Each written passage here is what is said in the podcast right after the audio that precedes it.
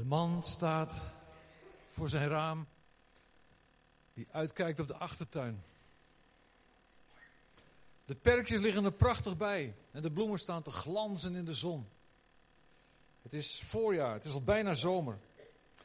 De prachtige kleuren die stralen en hij wijst zijn vrouw naar het geweldige contrast. Die diepe kleuren van de bloemen in de zon tegen het frisgroene van die grasperkjes. Ze genieten samen en ze kijken elkaar even liefdevol aan. Maar dan knipperen ze met de ogen als het huis schudt en beeft. Ze draaien zich niet om naar de voorkant van het huis.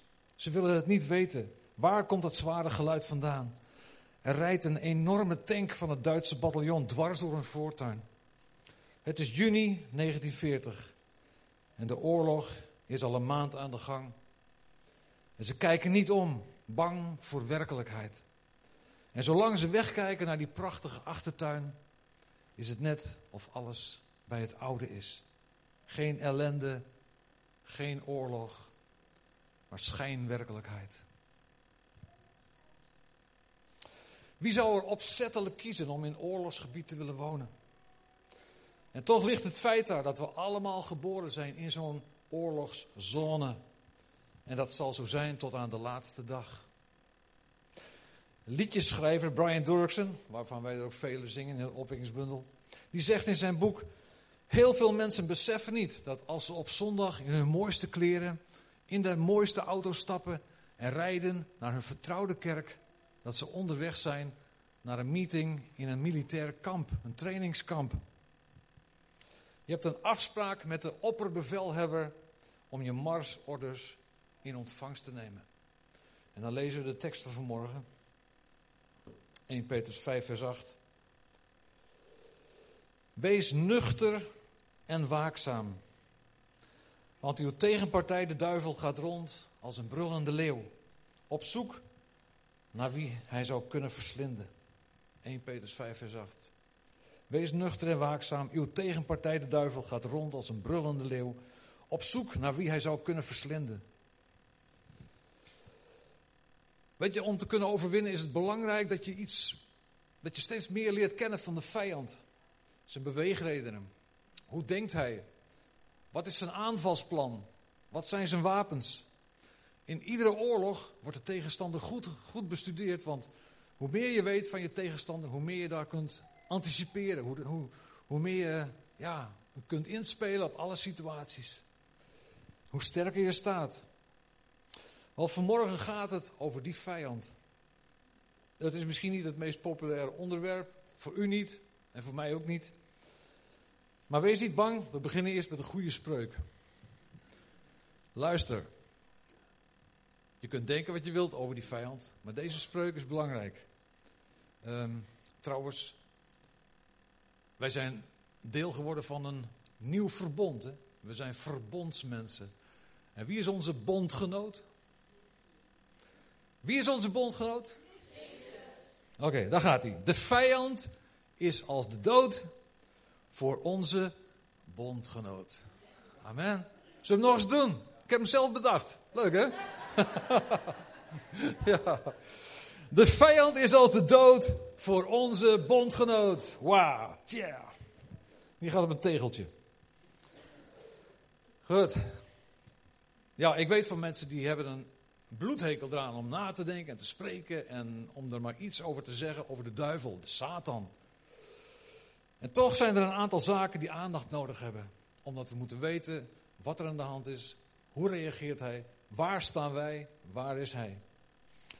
Misschien zijn er in uw omgeving ook mensen uh, die op een bepaalde manier spreken van, ja, weet je, hij is een, eigenlijk, hij is die een stumper. Hij is overwonnen, hij is een stumper die je zo even van je mouw af kunt schudden en in de vuilnisbak kunt gooien.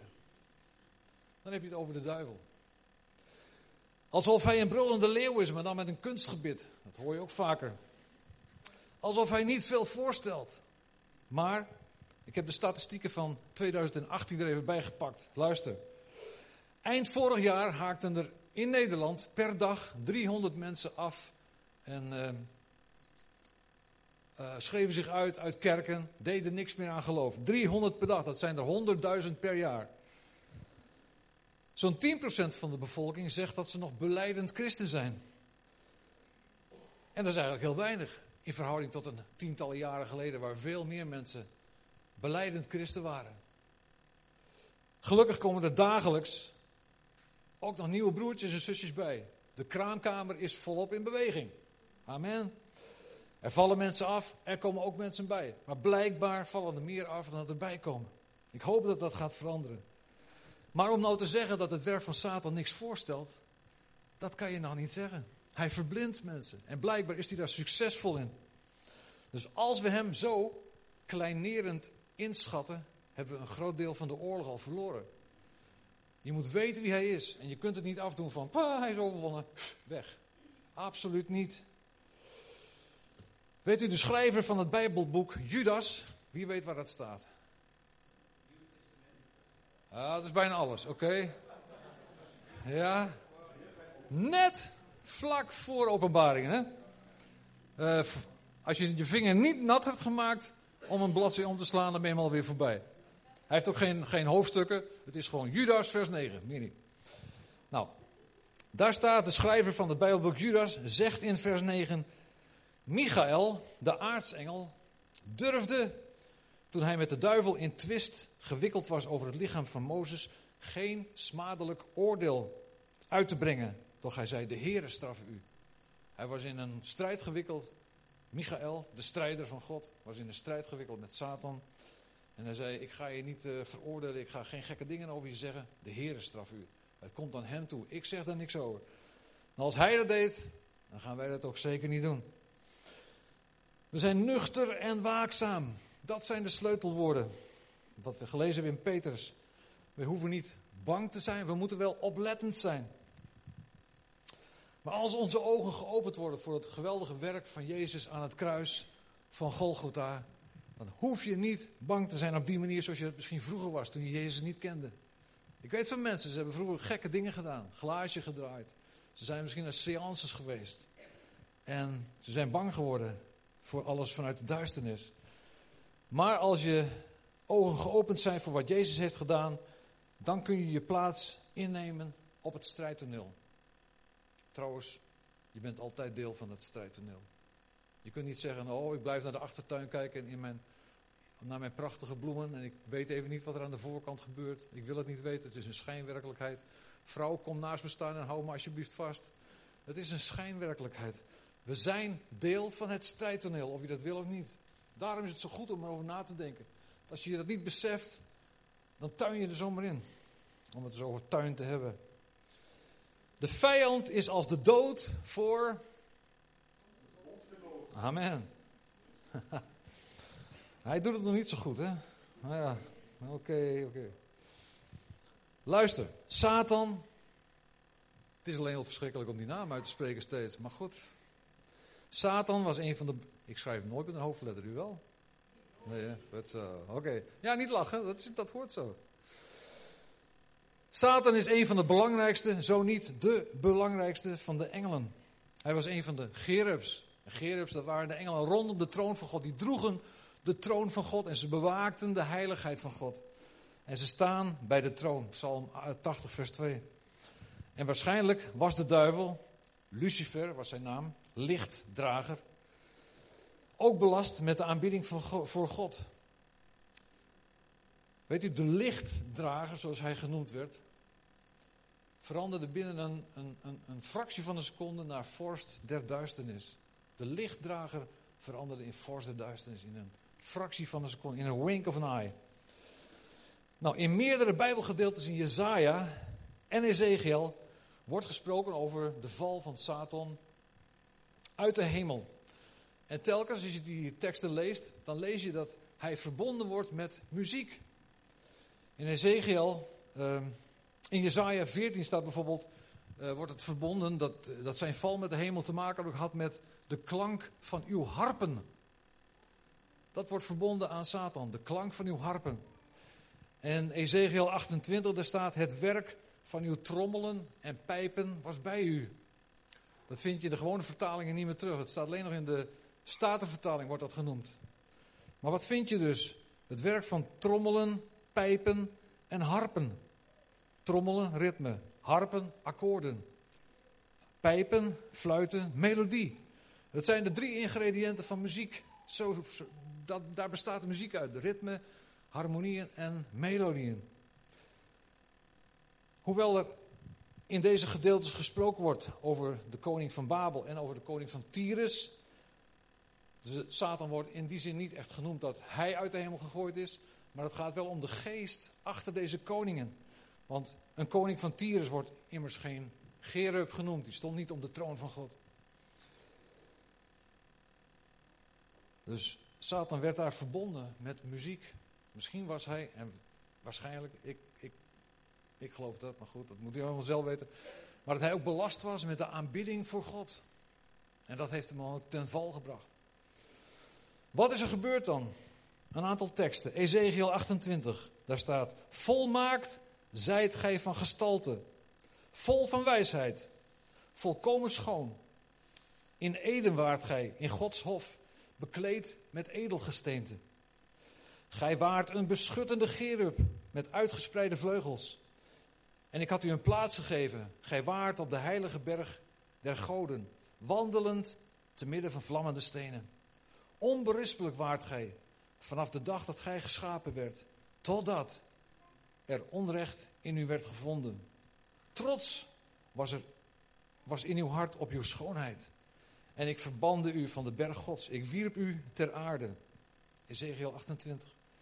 En dan Jezaja 14, luister. Hoe zijt gij uit de hemel gevallen, gij morgenster, gij zoon des dageraads? Hoe zijt gij ter aarde geveld, overweldiger der volkeren? En gij overlegt het nog wel, ik zal ten hemel opstijgen en boven de sterren gods mijn troon oprichten en zetelen op de berg der samenkomst ver in het noorden. Ik wil opstijgen boven de hoogten der wolken. Luister. En mij aan de Allerhoogste gelijkstellen. Deze Gerub, die de aanbidding rondom de troon van God leidde, hij wilde zich aan God gelijkstellen. Hij wilde die aanbidding voor zichzelf. Trots en rebellie. Nou werd hij niet alleen uit de hemel gegooid. Maar openbaringen 12 zegt, Michael, de strijder van God, had oorlog te voeren tegen de draak en zijn engelen. En een derde van de engelen volgde Satan, de draak. Maar hij, Satan, kon geen stand houden. En hun plaats werd in de hemel niet meer gevonden. En de grote draak werd op de aarde geworpen. De oude slang, die genaamd wordt duivel en Satan, die de hele aarde verleidt. Hij werd op de aarde geworpen en zijn volgelingen met hem. Een derde van de engelen ging met Satan mee. Dus hoeveel blijven er over? Goede engelen. Zijn die meer dan een derde? Zijn die veel meer dan een derde? Amen. En de Bijbel zegt dat zij uh, ons beschermen, dat ze helpers zijn. Geworpen op aarde, dat is nu zijn werkplek geworden. De aarde is nu de werkplek. De aarde zou je kunnen zien als een provincie van een Gods koninkrijk, wat tegen hem in opstand is gekomen. De aarde is in opstand gekomen tegen God. En zolang de rebellie en de opstand van de mensenkinderen duurt, heeft Satan hier het heft in handen. Hij doet alsof de aarde zijn eigendom is.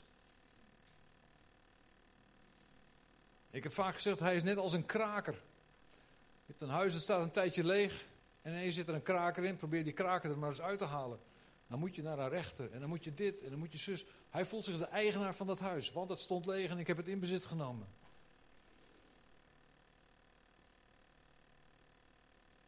Maar als je iets in bezit hebt, zegt dat nog niet dat je eigenaar bent. God is eigenaar van deze wereld. Psalm 24 zegt: De aarde is van God. En dat blijft zo. We hebben nu alleen een vervelende situatie, maar daar komt verandering in. Als Jezus wordt verzocht in de woestijn en Satan die laat hem al die koninkrijken zien van de aarde. En dan zegt hij, die koninkrijken die wil ik je geven, als je maar voor mij knielt. Dan weerspreekt de Heer Jezus niet dat hij die koninkrijken niet kan weggeven. Maar hij zegt alleen, je hebt gelezen, je weet wat er staat. Gij zult alleen de Heere uw God aanbidden. Ga weg, Satan. Hem alleen dienen. Gij zult de Heer uw God aanbidden en hem alleen dienen. Hij zegt niks over die koninkrijken. Jezus wist het wel. Trouwens, over de verzoeking in de woestijn. Satan zegt tegen hem: Maak eens brood van die steen. Je hebt honger. Satan kwam om hem te verleiden. En in Marcus staat dat hij 40 dagen lang Jezus verleidde. In Matthäus dan, denk je, ja, Jezus heeft 40 dagen in de woestijn gezworven. Die was met de vader samen. En aan het eind komt hij misschien om hem te verleiden. Maar Marcus zegt, hij was 40 dagen lang daar bezig om Jezus te verleiden. Maak eens brood van die steen als je honger hebt. En dan geeft Jezus tegengas. Een mens zal niet alleen van brood leven, maar van alle woord wat uit de mond van God uitgaat. Oké, dat is mislukt. Spring eens van de tempel af. Dan zullen alle mensen zien dat de engelen jou zullen opvangen. Alle mensen zullen weten dat je macht hebt over de engelen. Als je hun roept, dan zijn ze er. De hele, heel de wereld zal zich verbazen. Je zult eer krijgen. Het is alsof Jezus wordt uitgedaagd. Als u Gods zoon uh, zijt, staat er bij. Spring eens van de tempel, als u Gods zoon zijt. En dat kwam me zo bekend voor. Vroeger toen ik, toen ik zo'n zo manneke was, ja, dan, dan, dan werd je ook vaak uitgedaagd. Nou, doe het dan als je durft. Kom maar op als je durft. U kent dat toch wel of niet? Of ben ik de enige die ooit uitgedaagd is? Nee, toch? Kom maar op als je durft. Het is alsof Jezus wordt uitgedaagd. Maar Jezus gaf Satan van repliek. Je zult de Heere, uw God, niet verzoeken. Jezus werd door Satan aangevallen op zijn menselijke gevoelens. Macht, dat waren de koninkrijken. Kijk eens wat ik je kan geven. Wat een koninkrijken, ze zullen u dienen. Eer, engelen zullen u dienen als je van de tempel springt. Je zult je voet nog niet aan een steen stoten. Ze zullen je opvangen. Macht, eer en lichamelijke behoeften, brood. Deze drie behoeftes van macht, eer en lichamelijke behoeftes, ja, die zijn terug te voeren op Satans probleem. Trots, eerzucht, macht, zelfbeschikking. Zelf weten wat ik met mijn lichaam mag doen. Trots, eerzucht, de grondzaak van alle problemen in deze wereld. Dus de oorzaak van alle zonden. Rebelleren tegen God. Je hoeft je ogen maar eventjes open te doen. Je kijkt naar buiten de deur en je ziet alles gebeuren. God is een creatief God. Telkens komt hij met verrassende oplossingen. Ik heb ervoor gebeden en ik weet echt niet, Heere God, hoe ik eruit moet komen. En dan gebeurt iets en denk je van, hé, wauw. Oh, zo kon het ook. Nooit aan gedacht. Het is net of je zo'n VT-woningprogramma ziet. Oh, dat had ik zelf niet kunnen bedenken. Ja. God is een creatief God. Satan daarentegen is absoluut niet creatief. Hij komt steeds met dezelfde dingen. Gelukkig maar. Paulus wist het ook al en hij schreef in 2 Corinthians 2 vers 11. De listen van Satan zijn ons niet onbekend. De listen van Satan zijn ons niet onbekend. Dus je weet waar je op moet letten. En als het, als het op je pad komt, dan weet je van hé, hey, dit is van hem, dit is niet goed. En toch, ondanks dat we dus bekend zouden moeten zijn met die listen, vallen we nog vaker door de mand. Het slagveld, het oorlogsgebied waar we allemaal in staan, dat bevindt zich voornamelijk in ons denken. En hoe belangrijk het is het ook dan om daar goed te reageren. En Gods geest wil ons helpen om in Jezus overwinnaar te zijn. Dat is ook de reden waarom we de laatste tijd, ik weet niet of het u opgevallen is, de laatste tijd zoveel preken hebben gehad over ons denken. Er werd gezegd, zoals je denkt, bepaalt wie je bent. Zoals jij denkt, bepaalt wie je bent als mens. Er werd gezegd, word vernieuwd in je denken. We hebben een preek gehad, bewaar je hart boven al wat te bewaren is. Want daaruit zijn de oorsprongen des levens. Het gaat steeds hierom. De overleggingen van je hart. Het denken. Wat daar allemaal gebeurt. Daar wordt strijd gevoerd. Onze innerlijke strijd speelt zich hier af. Hier en hier. De strijd tegen de leugens. De beproevingen. De verleidingen die soms van buitenaf naar binnen proberen te komen. En je denken beïnvloeden. Hoe gaan we daarmee om? Hoe reageert jouw ziel, je gevoel, je denken daarop?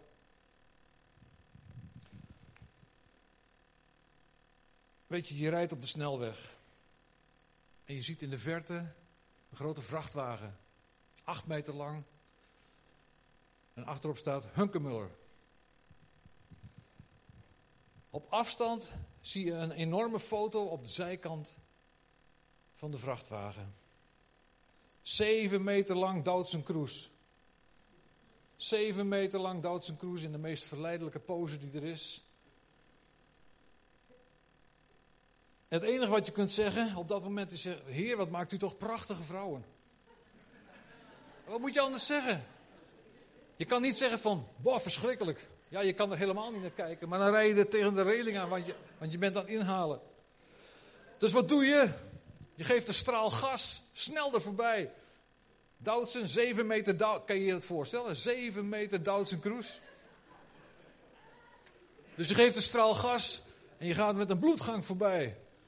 En je bent er net voorbij en je ziet een klein, uh, een klein lampje in je spiegel. Stop, politie. Stop, politie. En meneer, als u om aandacht vraagt, dan kunt u dat krijgen van ons. Mm Is dit weg met de misbruikers? Ja, hoe weet u dat? Ja, zulke dingen zeggen ze altijd. Meneer, waarom reed u ineens zo hard? Uh, ja, agent. Wat kan ik opschrijven voor de officier van justitie? Ah, agent, ik wilde zo snel mogelijk Duitse Kroes voorbij. Ja, ongelooflijk. Nou is dit een grapje.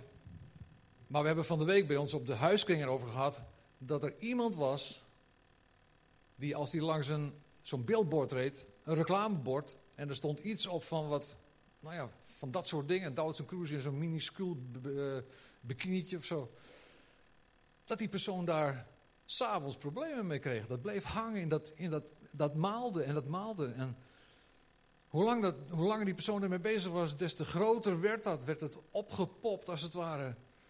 En Duitse Cruise was niet twee meter, die was er geen drie meter, op een gegeven moment was die ook zeven meter.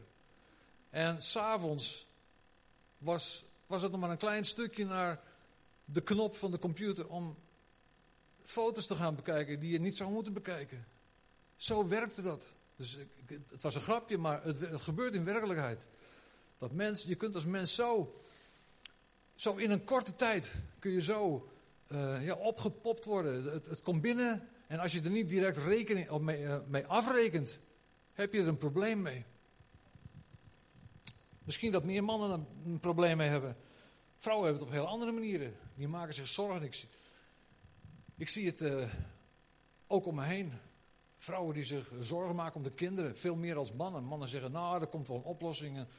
Ik geef ze wel wat geld en dan is het zus en zo. Ja, ik zat er vanmorgen naar te denken. En het viel me zo in. Onze dochter is vaak met van die speciale feestdagen in Sittard met de kinderen. Met, uh, ze vinden het leuk, uh, het, het, het, oktoberfeest, al die mensen. Dan loopt ze bij die tenten langs en wat muziekjes en mensen allemaal gek verkleed. Nou, dat soort weekenden. En ze komt met carnaval wel eens langs, want van vroeger uit, toen ze hier nog woonde in Sittard, vond ze dat ook geweldig. En dan wil ze dat aan de kinderen laten zien. Dus dat soort speciale weekenden is zij vaak bij ons. Normaal gesproken, dus dat zijn, nou laat ik zeggen, ook in de vakantie, 48 weekenden is ze in Heerenveen. En vier weekenden is in Sittard. Nou, die vier weekenden in Sittard, dan slaapt ze dus. En dan gaat ze s'avonds eens eventjes op de fiets of met de auto de stad in om te kijken of er wat gebeurt. En dan zit Greetje, die zit dan, ja, hoe laat is het nou? Het is al half twaalf. Ik heb er niks gehoord van haar. Half één. Ze liggen in bed, we liggen in bed. Ik heb er niks gehoord. Helemaal geen, geen, geen appje. Of zou het wel goed gaan met haar? Ik zeg, joh, houd toch rustig, man. 48 weekenden zit ze in Heerenveen en dan slaap jij als een roos. Nou is ze hier toevallig een weekendje en dan zit je je zo op te winden. Zorgen. de eerste zorg is zo groot. En een uur later is het zo groot. En het popt up. Of hoe heet dat? Het popt op. het wordt groter en groter. Zorgen. Uh, maar ook die, die, die, die gekke gedachten. Uh, erotische dingen. Ja, noem maar op. Um, meegaan in kritiek met een ander. Het komt soms zomaar binnen. En uh, ja, die gele hesjes, die hebben ook wat gedaan bij ons. Ik rij nou in een bus. Uh, die jongen die naast me zit in de bus, die is zo klaar met, met Rutte en dat hele gedoe. Die heeft een geel hesje gepakt, die heeft hij zo om zijn stoelleuning heen ge, gebonden. En maar hopen dat iedereen het ziet, dat ik daarvoor ben. Weet je, ja, dan denk ik van, ja, uh, moet ik daarin meegaan? Nou, ik praat erover. Maar ik merk ook dat heel veel dingen die hij zegt, dat ik denk van, ja, ja, ja, oké. Eigenlijk uh, zijn ze raar bezig. Hè? En, en tegelijkertijd weet ik ook dat de Bijbel zegt, bid voor hen die op boven je gesteld zijn. Ga niet mee in de kritiek. En dan doe ik het soms toch een beetje. Nog, nog niet dat ik ook een geel jasje ga aantrekken of zo. Zo het niet, een hesje. Je hebt er ook al rode, sjaaltjes, gele hesjes. Het is niet meer te geloven. Het komt binnen, wat doe je er dan mee? Het komt binnen en wat doe je ermee? Ja, dat koningshuis, wat kost dat wel niet? En die lui die zijn, miljardair en dan kost dat, uh, weet ik hoeveel miljoen per jaar. Dan heb je het alleen maar over de kinderbijslag aan die kinderen. Meegaan met, met kritiek. Het antwoord daarop. Deal ermee. Gebruik het woord van God. Hoe belangrijk is dat? Het woord van God wordt ook het zwaard genoemd. Dat is een aanvalswapen. Als het je binnen laat komen en het komt in je gedachten, daar moet je ermee afrekenen. Je kent het verhaal van het vogelnestje. Laat je geen ding op je hoofd bouwen. Nou, naast die innerlijke strijd, daar komen we straks nog even op terug, heb je ook een ander, andere strijd. Dat is een uiterlijke strijd. De innerlijke strijd speelt zich af in jouw innerlijk. Maar een uiterlijke strijd, dat is als je je begeeft in de strijd om uitbreiding van het koninkrijk van God. Je begeeft je dus heel bewust op gevaarlijk terrein. Tot uitbreiding van het koninkrijk van God in deze wereld. En het terugdringen van de invloed van Satan in deze wereld. Weet u, wij hadden in onze eerste gemeente, we in Leeuwarden, hadden we een, uh, een zusje. Dat was verpleegkundige. En ze was echt vol van de Heer, van de heerlijkheid van God. En ze verlangde ernaar om um, een aantal maanden te helpen in gebieden waar dat veel meer nodig was dan in Nederland. Dus op een gegeven moment had ze via een christelijke organisatie een plaats gekregen om een aantal maanden naar Cambodja te gaan. Overwegend boeddhistisch, een klein deel islam. En Ipi, zoals ze heette, kwam om te helpen. Allereerst als wedergeboren christen en als tweede als verpleegkundige. En telkens als ze iemand hielp, een patiënt, iemand met problemen, lichamelijke problemen, als ze het verband uh, ja, zou moeten uh, verschonen, dan bad ze voor die persoon. En dan zegende ze deze persoon. En zo ging, dat, zo ging dat door. Iedere keer kwamen er nieuwe patiënten. En Ipi die bad. En die zegende deze persoon. Auw! Auw, wat zal het zeer gedaan hebben. De demon die zag het gebeuren. We hebben een indringer. Hij schreeuwde naar zijn hoofd, hoofd, demon van het district waar ze toe behoorden. En hij zegt, er is iemand binnengekomen en die zegent en die proclameert en die, die bidt voor, voor die mensen die wij gevangen hebben. En wat is dat voor iemand dan? Nou, het is een, een, een, een dochter van je weet wel. Het is een dochter van je weet wel. Een echte lichtdraagster. Paniek. En zo, zo wordt ze op een nacht wakker. In haar bed. En ze voelt een soort hand over haar keel heen. Die probeert om die keel dicht te knijpen. En ze kregen de tegenwoordigheid van geest, van de Heilige Geest, om de naam van Jezus aan te roepen. Ze werd wakker en ze voelde dat. En het enige wat ze kon doen was, Jezus, Jezus, help. En die hand die was weg. Die hand was weg. Het was zo'n realiteit voor haar. En zij begreep ook wel, ze was binnengekomen. Daar in, een, in het gedeelte waar, waar Satan alle macht had. Ze had geleerd om de naam van Jezus te gebruiken in de strijd. Want hij heeft immers de overheden en de machten van de duisternis ontwapend en openlijk tentoongesteld. En zo over hen gezegevierd. Dus wat, wat is er gebeurd? Hij heeft Satan ontwapend.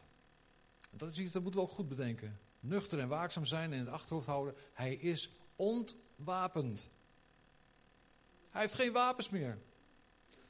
Wat hij kan doen is werken in onze gedachten, opdat wij fouten maken. En als we een fout maken, zegt hij, sukkel, la la la, sukkel.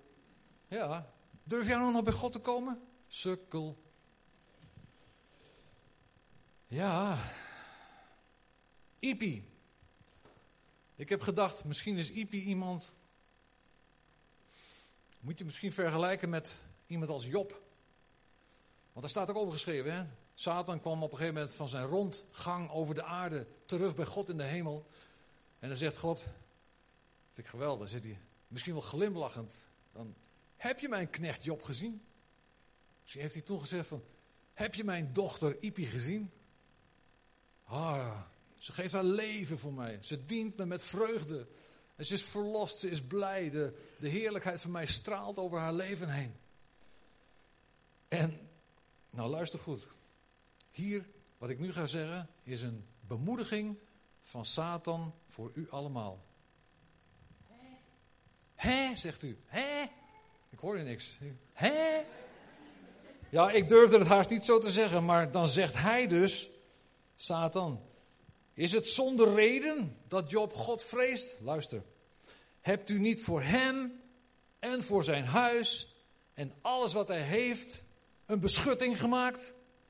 En hun beschermd en in elk opzicht gezegend? Daarom dient hij u. Dat moet je teruglezen. Dus wat heeft God gedaan? Dat zijn de woorden van Satan. Wat een heerlijke bemoediging voor ons. U hebt voor hem en voor zijn huis, ja, voor zijn huis ook. Misschien dat, dat u een huis hebt met onbekeerde mensen. God heeft voor hem, voor zijn huis en alles wat hij heeft, bescherming ook voor uw bezittingen, een beschutting gemaakt. Hij heeft hun beschermd en in elk opzicht gezegend. En daarom dient hij u. Daarom diende Ipihaar uh, hem. Beschut en beschermd in oorlogsgebied. Wow, dat geldt dus ook voor ons. We zijn beschermd en bewaard in oorlogsgebied. Hij heeft een beschutting om u en mij heen gezet. Dat is wat er staat. Ik, ik bedenk het niet. Het zijn nog niet eens de woorden van God. Wow, niet, niet dat we nou op zoek moeten naar allerlei hè, gekke dingen van Satan. Maar dit waren de woorden die hij, uh, die hij noemde. God heeft voor ons gezorgd en dat doet hij. Maar we hebben wel zeker deel aan de strijd. We kunnen ook niet zeggen van oké, Jezus heeft alles volbracht, dus ik ga achterover hangen. Heerlijk op mijn hangmat en een uh, drankje erbij. Nee, we blijven in oorlogsgebied. Laat dan niet de geestelijke wapenrusting aan die kapstok hangen. En s'morgens als je er langs op denkt, oeh wacht, waar is mijn swiffer? Zo, oh, er staat een zwaard. Oh ja, prachtig. Hé, hey, waar zijn die schoenen toch gebleven? Oh, waar zijn die schoenen? Oh, die zet ik weer even bij. Of je denkt van, wow, dat ding ziet er nog uit als nieuw. Geen krasje erop, prachtig. Ja, dat is niet de bedoeling van een wapenrusting. Dan gaat er toch echt iets verkeerd. Trek hem aan. De lendenen omgord met de waarheid. Waarheid, hoe belangrijk is dat? Waarheid. Panzer der gerechtigheid. Weten dat je gekocht en betaald bent en dat je niet meer zelf de dingen in orde hoeft te maken. Maar zijn rechtvaardigheid is op jouw leven. De voeten geschoeid met de breidvaardigheid. En je hebt het schild des geloofs. Daar moeten de krassen ook op staan. De inslagen moeten erop staan. Je hoeft de strijd niet op te zoeken. De strijd zoekt jou wel op. Denk erom. Maar zorg dat je dat schild bij je hebt. En dan de belangrijkheid van de helm des heils. En het zwaard, het woord van de geest. Bescherming en aanval. Het zwaard is de aanval. En het schild en je pansering is de bescherming. En dan staat erachter, en bid daarbij met aanhoudend bidden. Bid want zonder gebed is ook je wapenrusting, dan rammelt het aan alle kanten.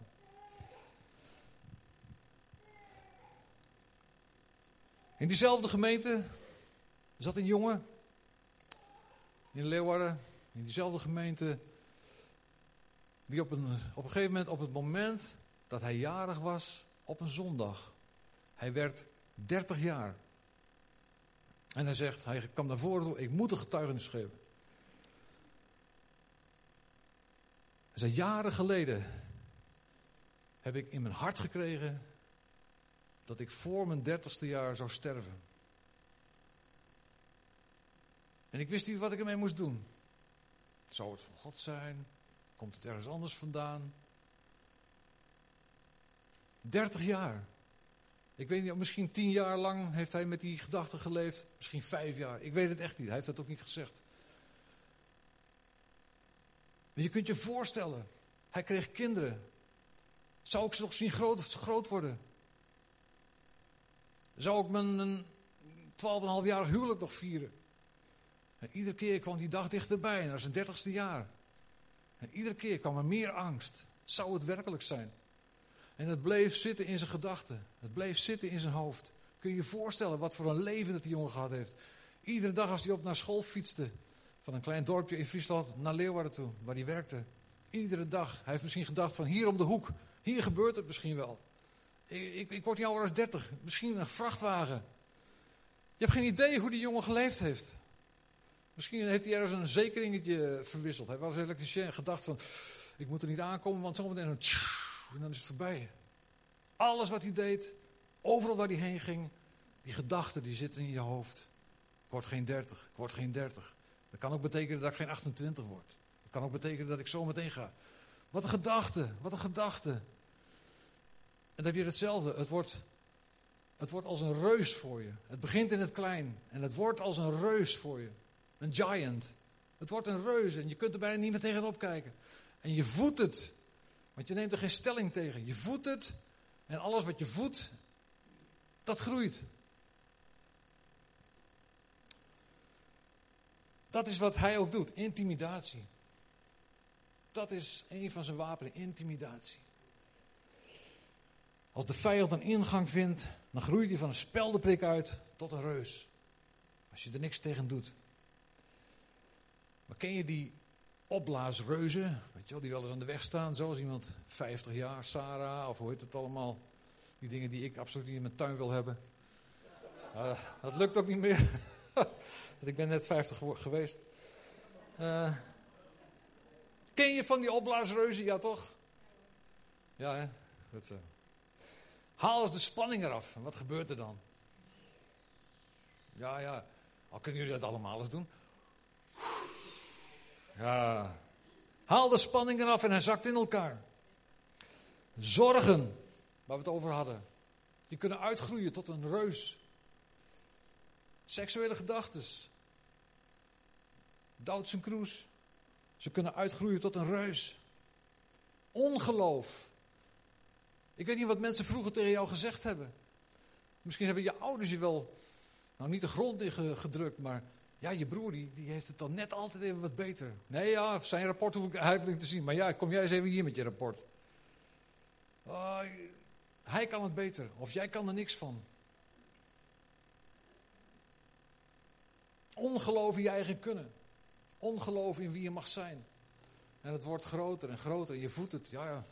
Het heeft toch geen zin, want dat lukt me toch niet. Ik hoef er niet eens aan te beginnen. Waarom zou ik die studie afmaken? Je gedachten kunnen vol zitten met dat soort dingen. Ongeloof. En het groeit als een reus, als een reus en als een reus. Intimidatie. In diezelfde gemeente, ja, daar is heel wat gebeurd. Ik was nog niet zo lang bekeerd.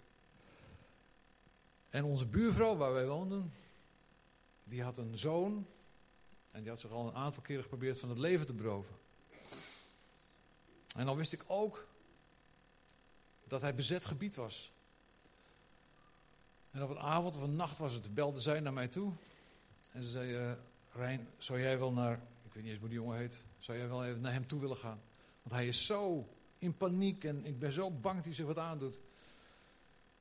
Wow, midden in de nacht naar zo'n jongen toe. Uh, toen heb ik iemand gebeld die vlakbij me woonde. Ze zijn met z'n tweeën daarheen gegaan. Ik denk, ja, het is bezet gebied en ik ga daar naar binnen toe. Maar ik had gehoord in de loop van, de, van die tijden dat ik in de gemeente was en ook wel naar, naar van die speciale dagen toe gingen. Uh, dan werd er vaak gevraagd van openbaar jezelf en wat is je naam? En dan, en dan, dan werd er een stuk bevrijding uitgesproken en dan, dan werd uh, de boze gelast om te wijken in de naam van Jezus. Dus ja, dat soort dingen had ik wel gehoord, maar geloofde ik het ook. En dat was natuurlijk de, de andere kant geloofde ik dat die kracht zo groot was dat ik het tegen die jongen kon opnemen. Of hij in mij. Jezus in mij. En ik zat daar. En hij zat in een hoekje. En ik zat daar met uh, Nico. Nico Doelman heette hij. Hij was later de man van Ipi. Ja, ja. Ja, ja. Een fantastisch koppel. Zijn nu, uh, zijn nu directeur van uh, Wycliffe Bijbelvertalers in Amerika. Maar we zaten er met z'n tweeën en Nico was veel korter bekeerd, maar hij was wel iemand van het woord. En we spraken met die jongen en op een gegeven moment dacht ik, nu is het tijd. Dus ik zei, en nou, geest van, ja, ik weet ik veel, van dood of zelfmoord. Uh, wat is je naam? Nou, hij zei niks. En ik zeg het je nog een keer, in de naam van Jezus, wat is je naam? Nou, nog niks. Ik zeg, openbaar jezelf. Maar ik zei, ik zei vertellen, die jongen die was meer dan twee meter lang. Dus die gaat staan en hij zegt, zal ik mij openbaren? Ja, het is heel raar, heel raar verhaal. Zal ik mij openbaren? En ik dacht oh. Ken je het verhaal van de zonen van Skefas in Handelingen? En zo voelde ik mij. Ik gelast je in de naam van die Jezus. Uh, nou, mijn geloof was ineens ook heel klein geworden. En, uiteindelijk is het goed gekomen allemaal. En is er rust gekomen. Of hij nou bevrijd is geworden, misschien later wel, ik weet niet. Maar die avond kwam hij wel tot rust en hebben nog goed gepraat. Maar intimidatie, dat was het. Het was pure intimidatie van de vijand. Maar ik was er ook niet op voorbereid. Laten we zorgen dat we waakzaam zijn en nuchter. Ons niet laten intimideren. Want voor je het weet wordt een speldenprikje een reus. Dat is de geestelijke strijd die we moeten strijden. Wat zijn nou onze wapens? Onze wapenen. Dat is het woord van God. Word vol van het woord van God. Gebruik het als een zwaard. En als het binnenkomt, ja, maar het woord heeft gezegd zus en zo. Gebruik de naam van Jezus. Geloof erin. Gebruik het niet als een mantra. Van Jezus, Jezus, Jezus, Jezus. Maar geloof in de kracht van de naam van Jezus die je uitspreekt over situaties. En ik, ik wederstaat in de naam van Jezus Christus die overwonnen heeft. Ik wederstaat. Gebruik de naam van Jezus. Zeg niet God of God of God of Vader. De kracht ligt in de naam van Jezus. De naam boven alle naam. De naam die gegeven is onder de hemelen waarin verlossing is, vergeving van schuld. Daar is Satan bang voor, voor de naam van Jezus. Demonen spreken ook met elkaar. Ja, je weet wel, is weer bezig. Kinderen van je weet wel. Zo is het. Weet u nog een geweldig wapen? Lofprijs en aanbidding. Laatst ook tegen iemand gezegd bij ons op de huiskring. Die maalde ook wat met zijn gedachten. En dan kun je denken van, ja maar ik moet die gedachten kwijt, ik moet die gedachten kwijt. En, en ik moet die gedachten kwijt in Jezus' naam. Ga zingen, ga lofprijzen. Ga lekker wandelen, ga lofprijzen. Ga maar door de weilanden lopen en ga de Heer maar loven en prijzen. Zing voor Hem. Dat vond ik zo geweldig, hè? want dat is het laatste wat ik dan even met jullie wil delen voor we het avondmaal gaan vieren. Wauw, dat is, dat is, als ik er dingen open krijg. Ja, dat is zo groot, hè? dat is heerlijk. U kent het misschien ook wel. Dat is de overwinning op de Moabieten en de Amorieten. Er was een koning Jozefat. Misschien komt het al binnen bij u. Koning Jozefat. En die kreeg te horen: Oh, de Moabieten en de Amorieten en een deel van de Meunieten, die zijn opgetrokken om tegen u te strijden, koning Jozefat. En wat doet hij? Hij besloot de heren te raadplegen. Dat is misschien wel het allerbeste advies voor deze morgen. Hij riep voor geheel Juda een vasten uit. En Juda kwam bijeen om hulp te zoeken. Ze gingen staan voor de tempel. En dan begint hij te bidden. Zijt gij niet onze God die ons dit land gegeven heeft? Laat nu niet gebeuren dat het land ingenomen wordt door de Moabieten en de Ammonieten. Onze God. Ehm, een grote menigte is tegen ons opgerukt en wij weten niet wat we moeten doen, maar op u zijn onze ogen gevestigd.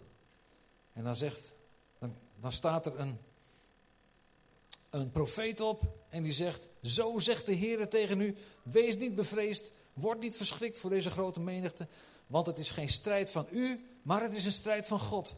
En morgen moet gij tegen hen oprukken. En niet gij hoeft, hoeft hierbij te blijven te strijden, maar stel u op, blijf staan Dan zult gij zien dat de Heer de overwinning geeft. Wees niet bevreesd. En dat geloven ze. En dan gaan ze de Heer loven en prijzen. En dan de volgende morgen staan ze op. En dan overlegt koning Jozefat met zijn volk. En dan zegt hij, hoe gaan we het doen? Hoe gaan we het doen? Geloof in de Heer uw God en gij zult bevestigd worden. En na het volk te hebben geraadpleegd, stelde hij mannen op die de Heere een lied zongen, hem loofden in heilige feestdos, terwijl zij voor de gewapende menigte uittrokken. En ze zeiden, loof de Heere, want de goede tierenheid van God is tot een eeuwigheid. En op het ogenblik dat zij de jubel en de lof aanhieven, gaf God de overwinning over de Amorieten en de Moabieten. Op het moment dat zij de jubelroep aanhieven, gaf God die overwinning. Het was alsof hij erop wachtte. Ik vind het een geweldig stuk. Je moet het durven. Je moet het durven. Koning Jozefat op aanwijzen van een profeet. Ik stel nu zangers voor de gewapenden uit. Word een zanger. Word een lofprijzer. Dat is een geweldig wapen wat, wat u zomaar in uw hart hebt. Hier. Daar, daar, daar leven de liederen. Er is een lied ook speciaal voor u geschreven door God. En dan mag u gaan zingen voor hem. Een lied wat God op uw hart heeft gelegd. Wat speciaal voor uw leven. U kent het lied misschien niet. En misschien is het wel een onbekend lied. Maar als u gaat zingen, dan zingt u dat lied vanuit van uw leven naar God toe. En ook al geeft het andere woorden. Het is het lied wat God speciaal gegeven heeft op uw leven om, om hem te loven en te prijzen. Hij zette de zangers voor de strijders. Misschien kunnen de, het muziekteam erbij komen. En dan wil ik graag, heel graag, dat lied met u zingen. I raise a hallelujah. Ik hef een halleluja aan. Dit lied is geschreven door iemand die een berichtje kreeg vanuit zijn kerk. Er is iemand, een jongetje, Jackson. Er is iemand die, even weten niet of hij de nacht wel haalt. En dat kwam zo binnen. We weten niet of hij de nacht haalt. Ze waren op de intensive care. En deze liedschrijver, die zat thuis en, en hij ervoer, er borrelt iets omhoog. Een soort heilige boosheid, er borrelt iets omhoog. En hij, hij, hij, hij zei, en, en ik, ga, ik ga nu een halleluja uitroepen tegen die reus van ongeloof. En die krijgt er straks spijt van dat hij zijn zwaard heeft gericht op kleine Jackson. Want hij is verslagen in de naam van Jezus. Ik hef een halleluja op.